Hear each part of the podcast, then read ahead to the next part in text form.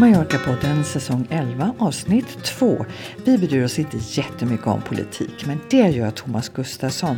Han guidar oss i den spanska, faktiskt ganska spännande politiska världen.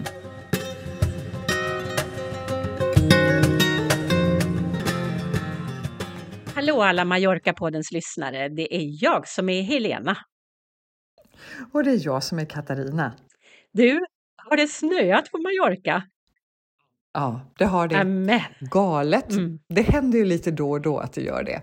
Men nu så ryktas det om den värsta vintern någonsin. Ja, ja men eh, det har ju varit en underbar vinter annars så att så mycket kan de ju inte klaga på eller så mycket kan ju ni inte klaga på. Men visst, det har ju inte, Nej. Det har inte lagt sig i Palma, eller hur? Utan det smälter direkt. Så är det ju. Mm. I bergen så ligger det kvar några dagar, men i Palma så smälter det bort direkt. Mm. Men du vet hur upphetsade marockinerna blir i alla fall, för det är så himla roligt när det snöar. Ja, sätter på snö, snökedjor på däcken och sådana där Nej, men man sätter åtminstone snöskor på fötterna. Det, nu är det dunjackor och vantar och mössar och vinterstövlar. Ja, Ja, härligt. Mm. Medan i Sverige så försöker man ha gympadojor så länge det går. Ja, men i Stockholm är det torrt på gatorna. Det är, det är verkligen. Det är, och jag går omkring i mina Tony Mora-boots. Eh. Vad härligt, det gläder ja. mig. Jaha, men har du något annat skvaller ifrån Mallorca nu då? Ja, men lite skvaller har jag faktiskt. Mm. Eh, Förra avsnittet så hade ju du en kändisspaning att de höll på att spela in en ny serie här på Mallorca. Åh, får vi en kändisspaning till? Ja, ja nästan. Du, du pratade ju om att i den serien som håller på att spelas in nu så är det bland annat Nicole Kidman som spelar. Mm -hmm.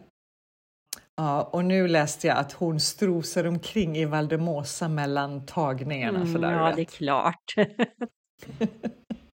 Det tycker jag känns lite härligt att veta. Ja, jo, men det har varit väldigt mycket ståhej både kring henne och eh, Morgan Freeman. Eh, eh alltså mer än det brukar vara kring kändisar som befinner sig på Mallorca. Ja, eh, är de större än alla andra eller hur kommer sig det här egentligen? Ja, men det tror jag. Jag vet ju att Nicole Kidman är en av de topp 10 kvinnliga skådespelerskorna som tjänar mest pengar. Så att, eh, jag menar, de är ju verkligen eliten. Mm -hmm. mm. Mm. Ja. Men sen har vi också, vi är mitt inne i citrussäsongen. Trots att det snöar så är det ju verkligen nu man ska plocka citroner, clementiner och apelsiner. Åh, och grapefrukt, åh färska grapefrukt till frukost, åh vad gott! Mm. Riktigt ljuvligt. Det är vackert att titta på, det smakar ljuvligt. Mm. Mm. mm. Och sen är det ju också mandelblommorna som är på gång. Ja, apropå vackert att titta på. Slutet på januari, ja visst, nu kommer de. Nu kommer de. Ja.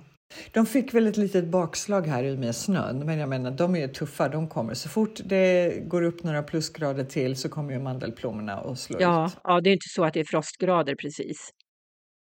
Nej, nej, nej. nej. men de, de är helt ljuvliga. Så är du på Mallorca så ta dig en sväng in mot mitten av ön och njut av de vackra bandelblommorna. Mm, absolut. Mm.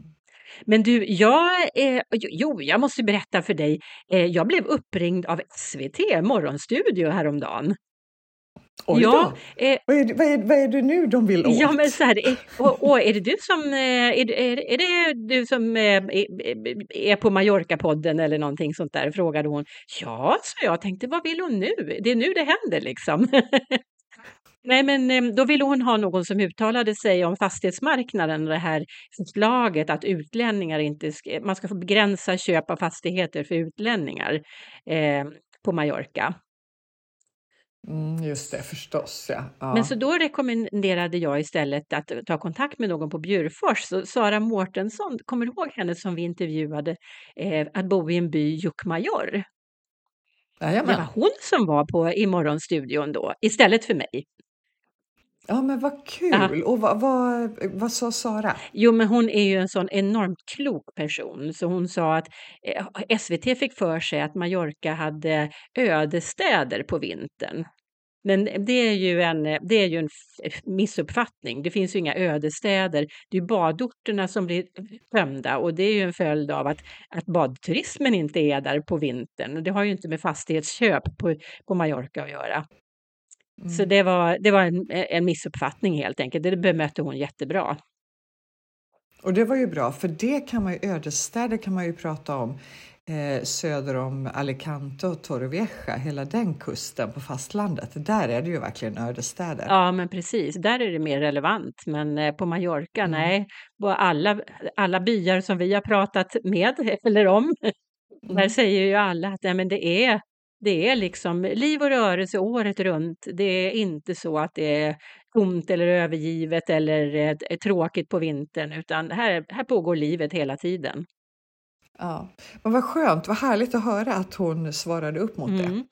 Och eh, alltså, lite grann så är jag lite nyfiken på nu, för du, eh, jag är lite upphetsad över den här, eh, det här avsnittets tema. Ja, för du mm. har ju träffat en riktig, vad ska vi kalla honom, en samhällskännare eller eh, han, han är ju Spanien... Ja, men han vill ju, ja, Spanienkännare mm. vill han ju kalla sig själv. Ja, och han, han kan då en massa om eh, politik, ekonomi och kultur och liksom har en otroligt bra eh, helhetskunskap om Spanien och Mallorca och Balearerna. Mm. Om hela den spansktalande världen. Ja, just det. Men mm. så att jag är lite nyfiken på om ni kom in på det här med fastighetspriserna och det här förslaget att ehm, eh, begränsa fastighetsköp för utlänningar. Mm. Vi snuddade lite vid det, men, ja, men jag tänker att du, du får lyssna själv. Ja, men okej, okay. vi lyssnar på intervjun.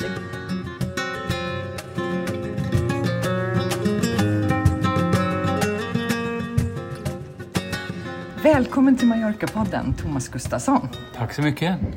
Du, vi är ju gamla kompisar från gymnasietiden. Och även om jag är helt övertygad om att våra lyssnare gärna skulle höra på våra ungdomssynder i Borgholm på 80-talet så är det inte därför du är här idag. Nähä. Vilken besvikelse.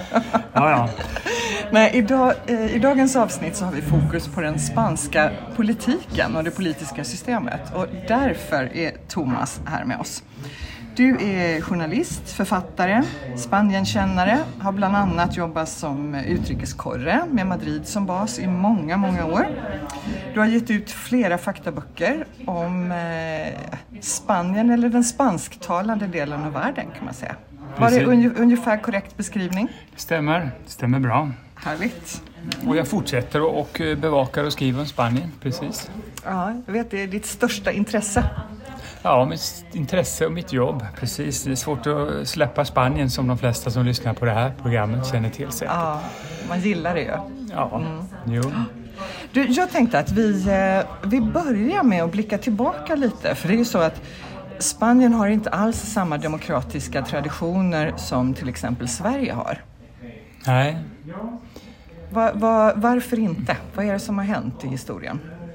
Alltså vi kan ju titta, om vi börjar långt tid tillbaka så kan man ju se på att, att en stor skillnad är att i Sverige, Sveriges demokrati bygger egentligen på underifrån. Det har en grund i, i självständiga, självägande bönder som växte fram under medeltiden. Den, eh, som det blev en egen samhällsklass och kunde stå mot, mot adeln, som blev adel, präster, borgare, bönder. Och vi hade ju då eh, bönderna i Småland, i Dalarna som, som hade stort politiskt inflytande och som kungarna kunde liera sig med för att, när man sedan skapade centralmakten. Och sen växte det fram, man träffades i byarna, man hade eh, sammanträden, man möttes på tingen och diskuterade och skickade förtroende till Stockholm, till huvudstaden. Eh, men något sånt här ser du inte hända i Spanien? Nej, det ser vi inte nere på kontinenten. Den europeiska kontinenten så hade man Eh, livegenskapen eh, mycket fanns kvar och speciellt i Spanien så levde det gamla feodalsamhället kvar väldigt länge med eh, eh stora jordägare som hade enorma marker och sen var det jordlösa lantarbetare. Och det här klassamhället som det här skapade med en stor urfattig lantarbetarklass som i princip var levegna, Det levde kvar långt, långt in i modern tid.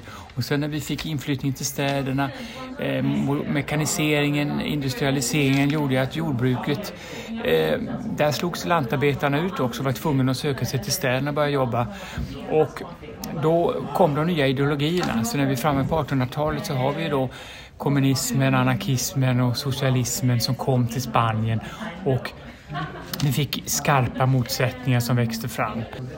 I Sverige hade vi liknande. Man kan, när vi kommer fram till 30-talet kan vi säga att, att här hade vi i, Sverige så hade vi den stora arbetarprotesten med, i Ådalen där man gjorde enorma generalstrejker över hela Sverige och där skickade högerregeringen eh, ut militären och krossade det här arbetarupproret och det var fem stycken arbetare som dödades i Sverige och efter det så satte sig politikerna och insåg att nu måste vi vi måste få tillbaka militären till kasernerna. Mm. Och sen kunde man göra den här berömda kohandeln mellan bönderna, bonderörelsen och Socialdemokraterna. Och vi fick en sorts politisk mognad i Sverige som innebär att vi, man hela tiden förhandlar, man kommer överens om saker och det här typiskt Sverige med att man konsensus. Kunde, man skulle ha konsensus och, och, och diskutera och eh, faktiskt gå med på eh, lite tag. Det har ju gällt så ända fram i våra dagar även om det nu börjar bli mer och mer polariserat mm, även här. Mm, mm. I Spanien var det på samma sak. När vi kommer fram till, till 20-30-talet så hade motsättningarna skärpts. Vi hade en högerdiktatur, Primo de Riveras diktatur under 20-talet, den här nationalistiska epoken. Och sen när Primo de Rivera föll så föll också monarkin och det var en republik. Och då var det precis samma sak, att det gjordes stora generalstrejker för att pressa fram förändringar. Då valde högerregeringen som satt i Madrid att skicka dit sin mest hårdföra general som hade varit och krigat i Afrika. Han hette Francisco Franco och han skickades upp till Asturien och man krossade det här arbetarupproret. Man dödade tusentals arbetare och 20-30 000 hamnade i koncentrationsläger. Och sen så blev det regeringsskifte igen och vänsterregeringen som kom till makten släppte alla de här. Men då var redan konfrontationen så skarp. Det fanns inget sätt att för, förstå utan båda sidorna, högern och vänstern, var så polariserad. Så att det gick mot ett krig. Medan i Sverige hade vi den här eh, möjligheten att diskutera. Så det blev aldrig... Eh, och vi skickade tillbaka militären till kasernerna. Medan Spanien så fick militären eh, upplevelsen att det är vi som måste ställa till rätta. Och så var det i princip en, en militärmakt ja, under många år. sen blev det militär. Alltså, militäruppror, det var ju från början en statskupp som genomfördes 36. Och eh, det var ett väldigt blodigt krig. Det blev ett väldigt långvarigt krig. Och eh, när kriget var över så var alla rädda att det skulle börja igen. Eh, över en miljon människor hade dött. Men så hände det någonting på 70-talet. Ja.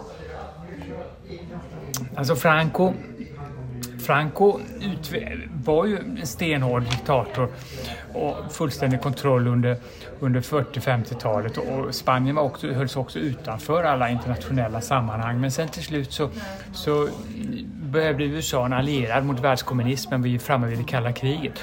Då tog man Franco. Han blev mer rumsren, han fick gå med i FN och han släppte alla politiska fångar och så vidare. När vi kommer fram till 58 kan man säga så öppnades Spanien för utländska investeringar. När vi kommer fram till 60-70-talet så började Spanien moderniseras. Man öppnade för turister, det kom ner en massa svenskar, åkte till Mallorca på semesterresa och upplevde den, eh, Spanien. Men det fick ju också den effekten att, att spanjorerna fick ju se också att det fanns ett annat liv, en annan moral utanför Spanien. Men hela den här förändringen när alla turister kom och internationella investerare gjorde att det växte fram en medelklass som då också började kräva politiskt inflytande. Mm. Franco tog befälet i början av kriget och sen behöll han det. Mm. Han blev diktator. Död, ja, men han blev diktator på livstid. Så han var ju då caudillo, hövding. Han var ju statschef. Men han tillsatte en kronprins som kom från den gamla Bourbonätten. Som då var Juan, Juan Carlos. Carlos.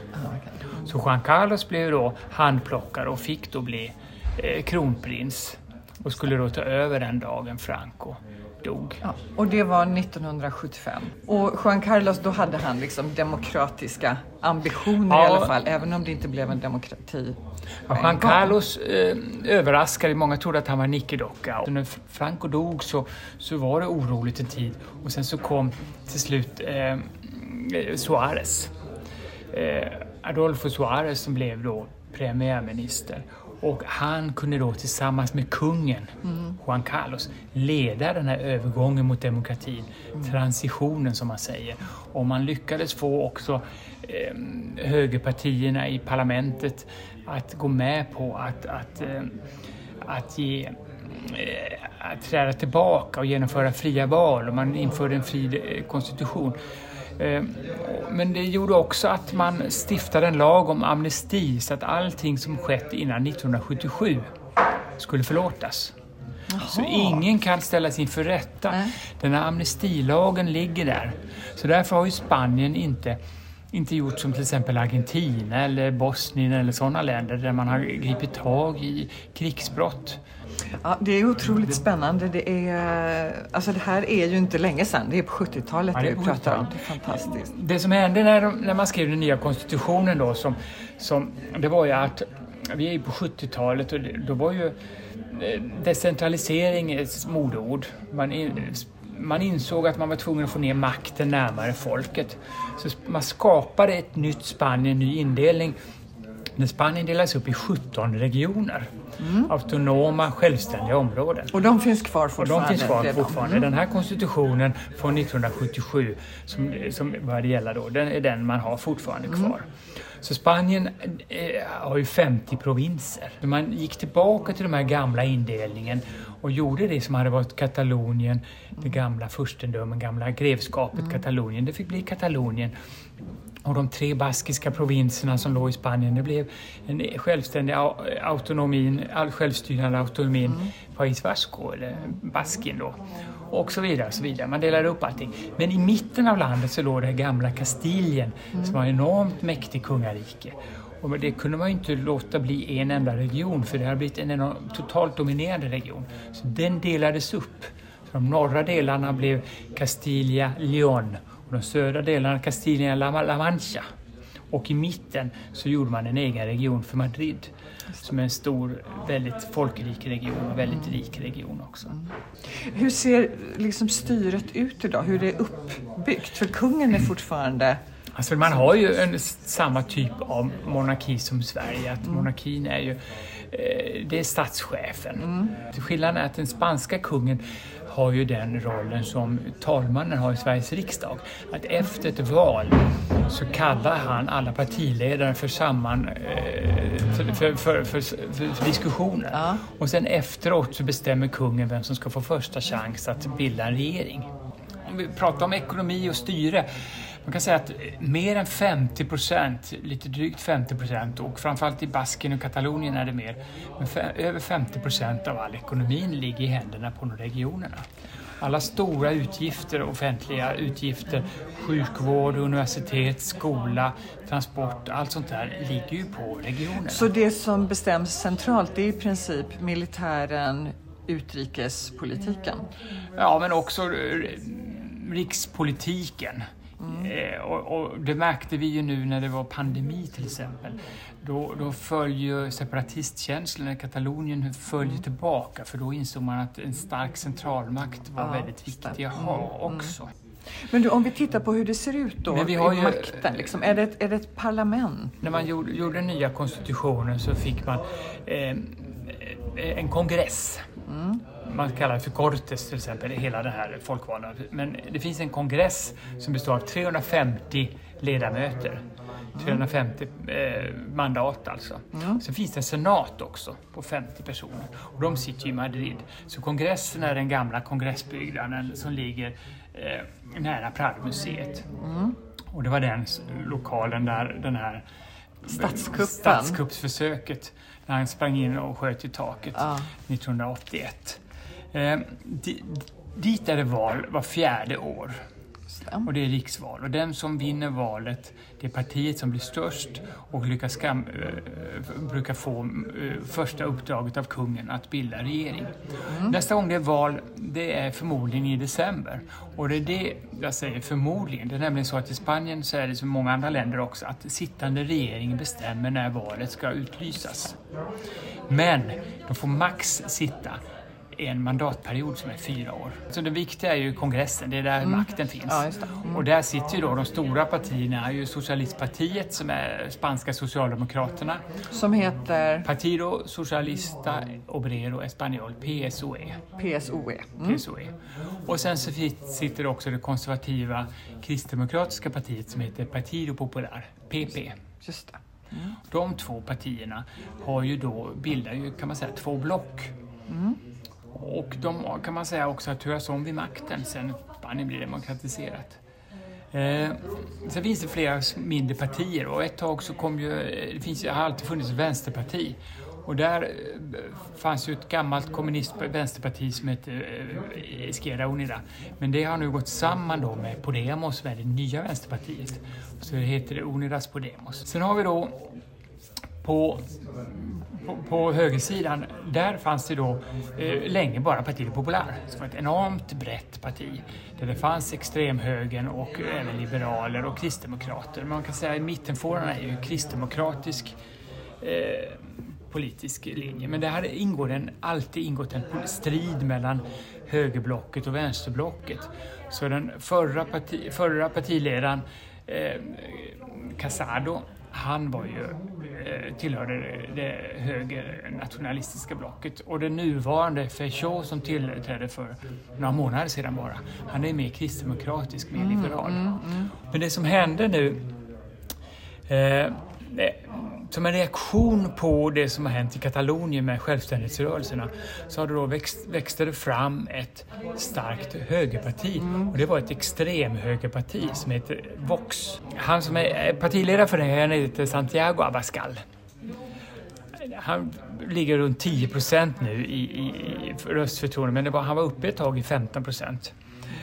Sen fanns det också ett tag ett, ett liberalt parti och de låg, inom liberala partiet så fanns det med en socialliberal eh, våg som låg i, i mitten och sen så fanns det med en konservativ våg. Och i den, eh, innan de hade funnits, när de hade väldigt, de klev fram och fick väldigt mycket röster. Eh, och hade då möjlighet att bilda en mittenregering tillsammans med det spanska socialistpartiet. Mm. Men då valde den partiledaren, eh, Alberto Rivera, att istället lea sig med, med Vox, högerextrema mm. partiet, mm. och med Partido Popular. Och vilket gjorde att det partiet vid nästa val föll ner från 15, eh, över 15 procent, från att vara ett ganska stort parti, mm. föll det ner till att bli nästan helt obetydligt. Jag läste någonstans att det här är första gången man har en koalitionsregering i Spanien. Utan tidigare så har alltså ett parti lyckats få majoritet. Ja, man har aldrig trott på det här med koalitioner. Ja, man gillar inte att jämka liksom. Nej, nej alltså de är väldigt, väldigt dåliga på att kompromissa. Ja. Den här kohandeln fanns inte. Och Då kommer har, vi tillbaka till historien kom, egentligen. Tillbaka, ja, alltså det finns få länder där historien är så närvarande hela tiden. Mm. Och det här kohandla, kompromissa, som då Sverige har varit väldigt bra på med, i och med att vi har haft eh, mittenregeringar och vi har mm. kunnat diskutera. När man delade upp landet i 17 17 regioner så, fick, så gjorde man det i flera omgångar. Så de här gamla historiska landskapen, de fick egna statut. Och de historiska landskapen är Baskien, eh, Katalonien, Galicien och Andalusien. De fyra fick egna valdagar. Där har man också fått sina egna poliskårer och egna domstolsväsenden. Och längst självstyre har ju då Katalonien där man också till och med har den fiskala kompetensen. kompetens. Man får alltså ta hand om sina egna skattepengar. Balearerna är en av de här 13 regionerna som då har valdagar som, samtidigt som kommunalvalen. Och det sker var fjärde år och nästa gång det är den 28 maj. Då väljer man till regionerna, till de här 13 regionerna och till provinserna och öarna, där i de fall det är öar, och eh, typ 8000 eh, kommuner. I Balearerna så viktiga valet är regionen eftersom det är så mycket pengar och styre det handlar om. Och där har man ju gjort en sån fördelning av mandaten. Så när man väljer till den lokala regionalparlamentet som ligger i Palma så har de 59 platser. Mm. Och då har man delat upp att, att, att eh, Mallorca, som då är den största ön, där har man, skickar de 33 mandat. Menorca skickar 13, Ibiza 12 och lilla Formentera en mandat. Så när man har regionalval så röstar man eh, då och sen så fördelas de här mandaten och sen så skickar de och då är det meningen att att de på något sätt också ska styra sin ö. Mm. Men det är väldigt uppdelat ändå i partier såklart. Ja, det är klart. Ja. Utom Formentera, där skickar man en som brukar vara Formentera-politiker som ser till så att ön inte glöms bort. Ja, men jag tänker att någon måste liksom skydda den ja, lilla. Ja, ja. En liten, liten. Men, men, eh, men, men du, vilka, vilka får rösta?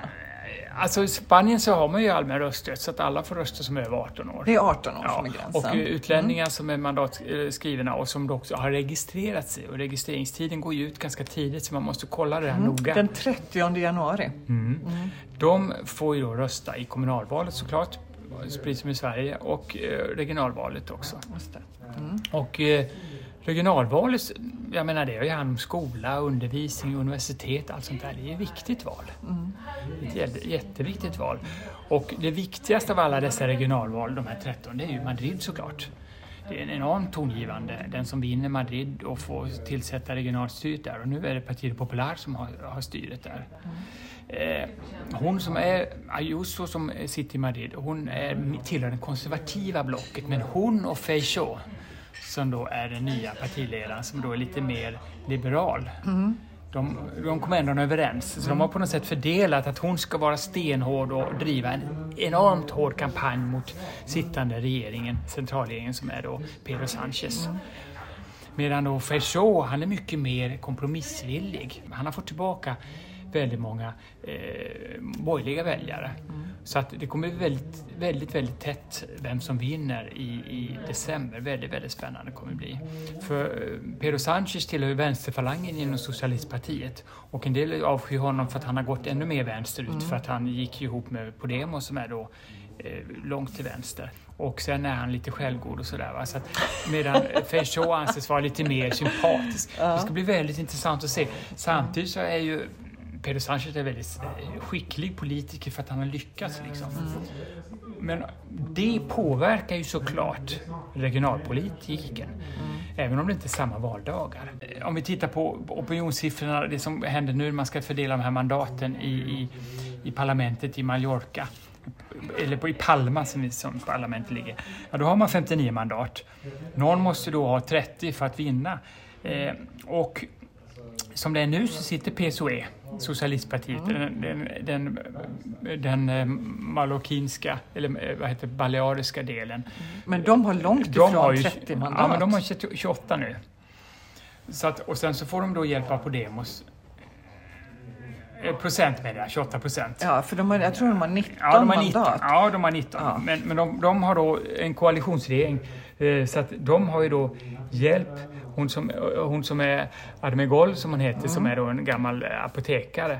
Hon har högt förtroende och hon har dessutom då stöd av, förutom partiet eh, Unidas Podemos, som är då Vänsterpartiet, som har sju, hade 7 procent i senaste valet, så har hon då eh, ett annat vänsterparti plus då flera andra mindre partier, så hon har fått egen majoritet. Mm, men det är verkligen en, en samlings, en, en regering som är en samling ja, av i många sitter det tre partier. men sen har de flera mindre som då Stödpartier. Stöd, stöder dem. Mm. Och det är precis det som, som också sker på riksplan, där vi har Eh, premiärministern Pedro Sánchez som då har Unidas Podemos men han har ingen egen majoritet med den, den koalitionsregeringen utan han stöder sig på katalaner och basker. Mm. Och det är det högern hela tiden riktar in sig på, att han har gjort så mycket eftergifter mot katalanerna. Du pratar mycket om Katalonien och vi pratar om Balearerna mm. och jag tror det är många eh, på Mallorca som känner att vi på något vis tillhör Katalonien lite, bara för att vi råkar prata deras språk. Ja. Men, men så är det inte. Balearerna alltså, är en egen region. Ja, politiskt är det en egen region. Man kan också se så här att, att um, kulturellt har Katalonien och, och Balearerna väldigt mycket med varandra att göra. Mm. För de in, ingick i samma kungarike. Eh, greven av Barcelona som då var kung över kungariket Aragonien under medeltiden. Han erövrade eh, Mallorca, Palma, grevskapet, eh, alltså furstendömet Palma och införlivade det och gjorde hela Balearerna till en del av det här stora Katalonien. Och sen blev eller Aragonien som var mm. kungastolen hette ju Aragonien. Så det, hela den, den kungarike som fanns under medeltiden var enormt mäktig. Men politiskt så är det eh, separerat? Politiskt så delar man upp det i, i, egen region och det är en dryg miljon människor som bor där. Mm. Eh, man, har, man kan ju säga så här också att det är en av de rikaste regionerna. Man har ju EU-siffrorna, man har medianen på EUs ekonomi brukar man, som ligger på 100 så är Madrid uppåt 140, alltså en rik region mm. och Katalo Basken är väl ännu högre. Det, det, det rikaste området. Och Mallorca ligger på samma nivå. Mm. Så Mallorca är ett av de rikaste. Mallorca, Baskien. Det måste vara tack vare turismen då? Tack vare att, äh, tyskarna mm. och turisterna. och, och det är, eh, ja, det, det är klart det är turisterna, eller turisterna, många mer eller mindre bofasta, bor på halvtid. Ja, just det. Ja. Mm, mm. Men det, det som jag tänker är viktigt är att den här självständighetssträvan som finns i Katalonien, den finns inte på samma sätt på Balearerna. Nej, inte alls. Nej. Om vi styr lite tillbaka till politiken, vad tror vi om det här valet nu under våren då? Sitter Armengol, sitter hon säkert? Det vet vi inte. Jag har försökt tyda lite på de olika opinionsundersökningarna. Opinionsundersökningar i Spanien är väldigt politiskt styrda också. Man ska inte lita mm. på dem alls. Eh, och, men, och Statistiska centralbyrån kan man säga, de säger ju att vänstern får majoritet medan högertidningen säger att högern får majoritet. Så beror det också på vem som får mandat. Eh, det visar sig att Vox ligger väldigt nära gränsen nu, extremhögerpartiet, ah. och kan falla ur. Och, och Ciudadanos eh, kommer säkert garanterat att nästan falla ur och inte få något mandat heller. Va? Då har vi plötsligt bara Partido Popular som kommer få mandat. Av de här partierna. Eh, och även regionala nationalisterna står ju nära socialistpartiet för de spanska socialdemokraterna mer öppna för att för att diskutera och låta folk få lite mer självbestämmande och, mm. och sådana här saker. Medan eh, konservativa partier Populär är väldigt mycket mer centralistiskt, väldigt mycket mm. mer inte diskutera, inga förändringar, ingenting. Mm. Det var också det som gjorde att, att vi ser den här separatismen som växer fram i Katalonien. Det var ju för att man, inte lät dem ens komma och prata i Madrid. Mm. Och just nu så är det några saker som jag tänker berör oss utlänningar lite mm. extra. Det snackas en hel del, det har gjort senaste veckan nu, om att man vill begränsa möjligheten för utländska medborgare att köpa bostäder. Ja, På, på Balearerna. det, är väldigt, det är väldigt taktiskt utspel inför valet såklart. Ja. För att om man då får alla som tycker att det är för dyrt med hyran att, att eh, få deras röster så kan man få ganska mycket röster mm. såklart. Va? Och som jag sa, eh, det är viktigt, regionalvalet är viktigt. Mm. Å andra sidan kontra då Partido Popular med att de vill göra det enklare för turister. Mm. Eh, med att öppna någon slags, eh, eller turister för, för utlänningar på Mallorca genom att öppna utlänningskontor där man kan få hjälp med administration och krångliga spanska regler. Jo men de, de fikar säkert efter utlänningarnas röster. Ja. Partido Popular eh, är ju ett, ett, ett högerparti och många som kommer till Mallorca eh, som har med utlänningar har ju pengar och mm. är borgerliga. Mm. Eh, och då försöker de få deras röster såklart. Gå och registrera er, vi hjälper er att registrera så röstar vi på dem. Mm. Medan, medan eh, det här extrema Vänsterpartiet eller nationalistpartiet som då tycker att vi ska stoppa utlänningar. Socialistpartiet är de som styr nu och de ja. vill ju att det ska vara som det är i princip. Mm. Så de ska försöka vara där mitt emellan och, ja, alltså, medla? Det, det, man, det man också kommer ihåg det är ju faktiskt att Socialistpartiet eh, de är ju inte socialister på det gamla sättet utan de är socialdemokrater. Ja. Och de är mer som europeiska svenska socialdemokrater. De är ju mer närmare mitten mm. än den gamla socialismen. Mm. Men egentligen för att, för att liksom knyta ihop säcken lite så kan man säga att Det är viktigt att rösta i regionalvalet. Egentligen mycket viktigare i Spanien än vad vi kanske upplever att det är i den svenska politiken. För att i Spanien så bestämmer regionen betydligt mer. Ja, eh, den gamla landstingen som fanns i Sverige, eller regionerna som de heter nu, de har ju i och för sig hand om sjukvården. Men, men eh, Spanien är det väldigt, väldigt mycket mer. Väldigt, väldigt mycket mer. Du Thomas, vi rundar av där. Tusen tack för att du ville dela med dig av all din kunskap. Och vill man veta mer om Spanien, om kulturen, om historien, om politiken så finns det några riktigt härliga skatter att gräva i och det är några av dina böcker. Precis. Jag vet att du har en i alla fall som heter eh, Spanien, en färd genom historien. Mm, jo, mm. den kom ut för bara något år sedan och den är väldigt aktuell. Ja. Den eh, berättar hela politi- Spaniens historia kan man säga, från forntid till nutid. Härligt. Och sen har du någon eh, som jag har läst som handlar lite om traditioner, fester. Ja, ja. Ja. Det finns också, det finns, eh, Fiesta heter den. Ja. Och sen finns det eh, flera andra böcker som är aktuella. Det finns en bok om handlar om krisen, förra krisen, så man kan Mm. få en förklaring till vad som hände då. Eh, och så sitter jag och jobbar på nya böcker. Hela tiden. Och vi kan tipsa våra lyssnare om att prenumerera på ditt nyhetsbrev som är en riktig gottepåse om man är intresserad av eh, den spansktalande världen.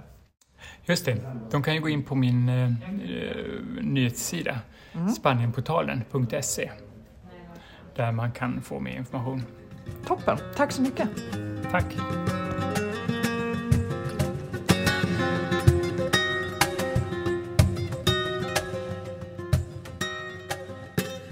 Okej Helena, fick du svar på dina funderingar? Jag fick svar på så många funderingar och jag är, alltså jag har ju sagt det till dig förut, men alltså han är verkligen min idol. Jag tycker att han är så bra. Eh, och så duktig och så pedagogisk, han förklarar så himla bra. Eh, och han, han tar en massa saker som jag inte visste och inte kände till. Mm. Jag älskar den här parallellen som han drar mellan Sverige och Spanien. Att vi i Sverige har vi en riktigt lång tradition av demokrati medan man i, Sverige, i Spanien är helt nybörjare på det här med demokrati. Och hur det avspeglar sig i retoriken bland politikerna och eh, hur, hur, man, hur man röstar och hur man resonerar. Mm. Du, och det där eh, pratar man om i språkkretsar också faktiskt, hur Sverige är ett, eh, alltså ett väldigt öppet land när det gäller språk, offentlighetsprincipen, vi har allemansrätten är ju också en led i den här svenska eh, eh, öppenheten liksom. Sådär. Och eh, eh, ja, precis, och språkligt då så, är vi, så har, man, har vi olika inställningar till vem som får prata och vem som inte får prata och, och sådär. Ja, det, det, jag tyckte det var jätteroligt att höra. Och det var ju så här förstår du, att Thomas tycker ju väldigt mycket om att prata. Mm. Eh, och det, det här kommer från en som verkligen tycker om att prata, det vill säga jag. Så den här intervjun var ju väldigt mycket längre än vad vi har tid att släppa nu. Men Mm. jag ska försöka sammanställa hela intervjun så att våra läsare kan ta del av det vi pratar om. För vi pratar om så mycket mer kring det här med Spanien och historien och politiken. Mm. Vi kanske kan ha det som ett specialavsnitt. Ja, så att lyssnarna kan komma åt det på vår hemsida. Mm, ja, visst, det tror jag många skulle vara intresserade av. Och särskilt nu när valet närmar sig, och, så att man kan få lite mera kött på benen. Ja. Och då kan vi ju säga till alla ni som bor på Mallorca, som är svenskar, att eh, innan den 30 januari så ska ni passa på att registrera er för att få vara med och välja till region och kommunvalet. Och som ni precis hörde jo, eh, Thomas prata om så är det ett väldigt viktigt val. Så ta tillfället i akt och var med och bestäm.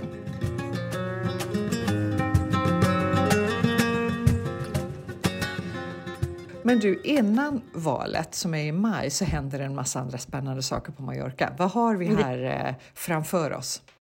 Ja, alltså du brukar ju ha bättre koll. Ehm, eh, är det någon fotboll? Ja, men det är det. Eh, Mallorca spelar mot Real Madrid. Den, Oh my Jag Ja, vet.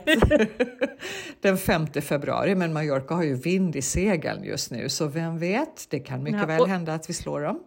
Och de spelar hemma, eller hur? Japp. Matchen är på Mallorca. Ja, men gud vad jag ska hålla tummarna. Så Den jag 5 blir blå. februari klockan 19. Mm. Ja, kul. Sen har vi eh, ett cykellopp som pågår nu Mhm. mellan den 25 och 29. Eh, Okej. Men det här sänds ju den 27 och då har vi fortfarande två etapper kvar. Den 28 på lördagen går Bergsvarvet i Lloseta med start klockan 12 och den 29 på söndagen går Stadsvarvet i Palma med start på Avenida Adolfo Suárez klockan 10. Mhm. Så fram med cyklarna och häng på, eller? Ja, det är nog mer att man tittar på tror jag. Ja, okej. Mm. Ja. Ja, för oss som inte har någon cykel då, finns det något att göra? Ja, men är man, är man eh, gubbe så kan man gå Ja. på gubbröra i Svenska kyrkan den 1 februari klockan 13. Mhm. Och Ja, det är men- för alla svenska män.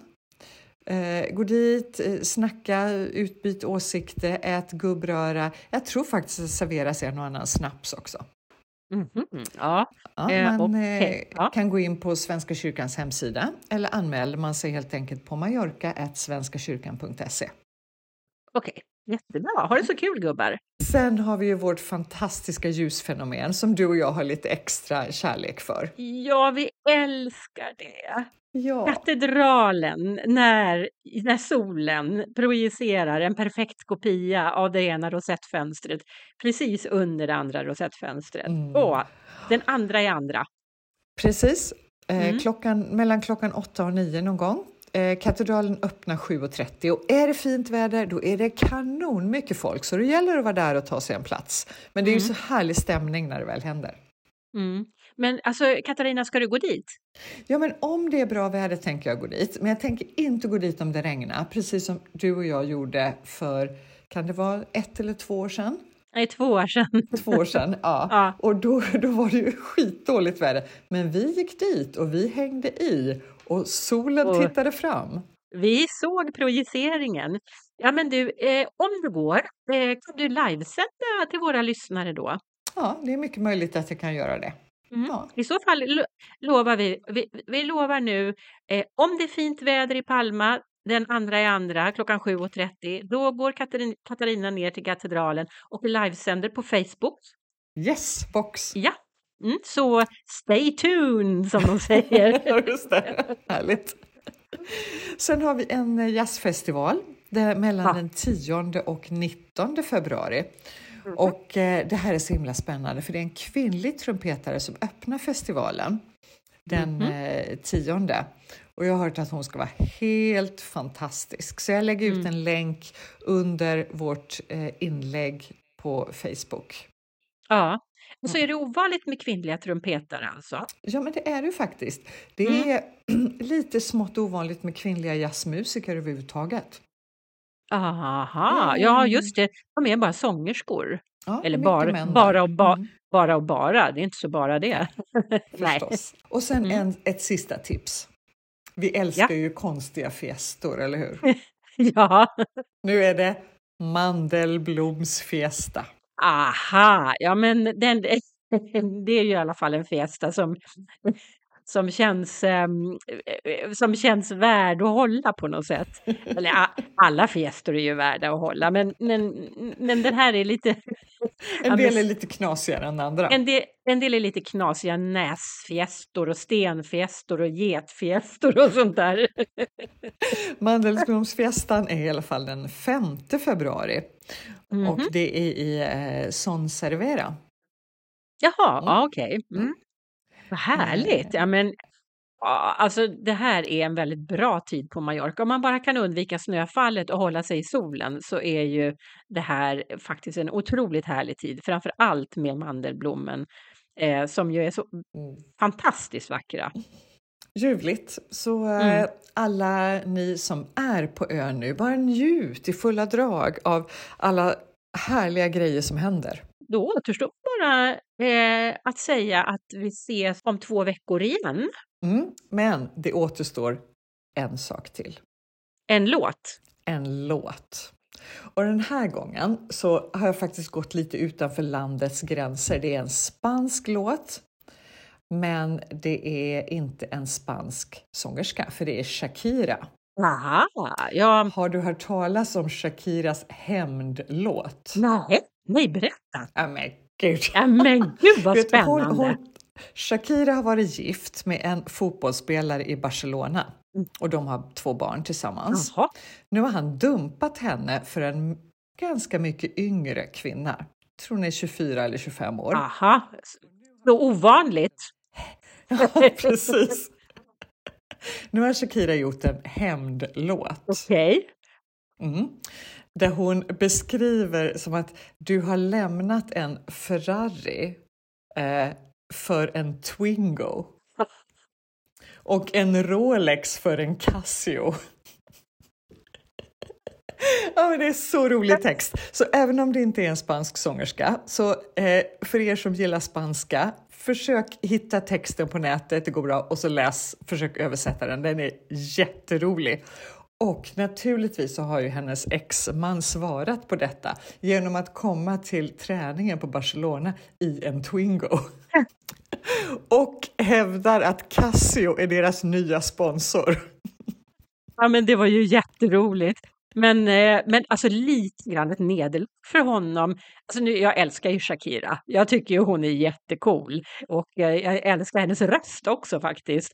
Så, eh, Mm. Och jag har ingen aning om hennes man och jag har ingen aning om hans nya, hans nya kvinna då. Så jag, utan att veta riktigt säkert så tycker jag ändå att det var, hon har vunnit. Ja. Nej, men alltså jag, ja, jag tycker det är lite roligt att hon använder sitt kändisskap för att hämnas på honom och att han faktiskt med humor bollar tillbaka. Ja, ja, men jättekul. Nu är jag supernyfiken på låten. Ska vi bara lyssna och säga hej, hej då, vi ses om, eller vi hörs om två veckor.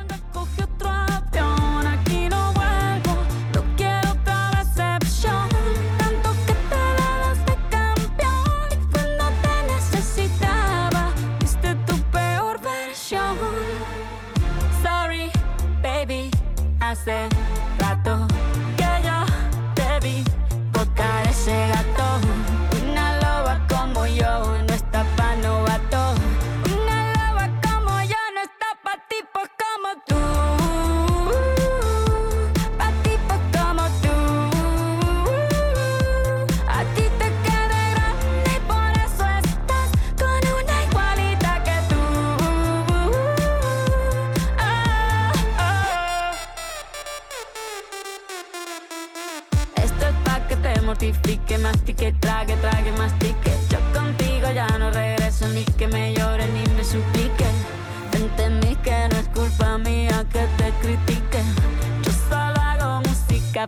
Que te salpique. Me dejaste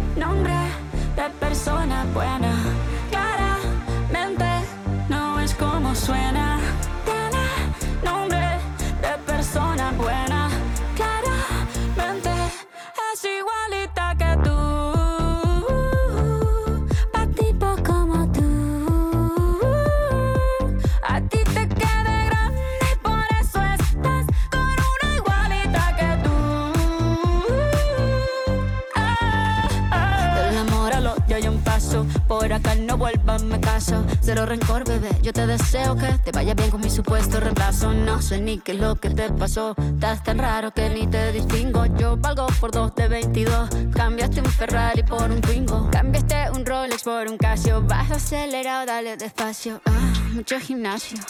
Pero trabaja el cerebro un poquito también. Fotos por donde me ven, aquí me siento en rehén. Por mí todo bien, yo te desocupo mañana y si quieres traértela a ella que venga también. Tiene nombre de persona buena, claramente no es como suena.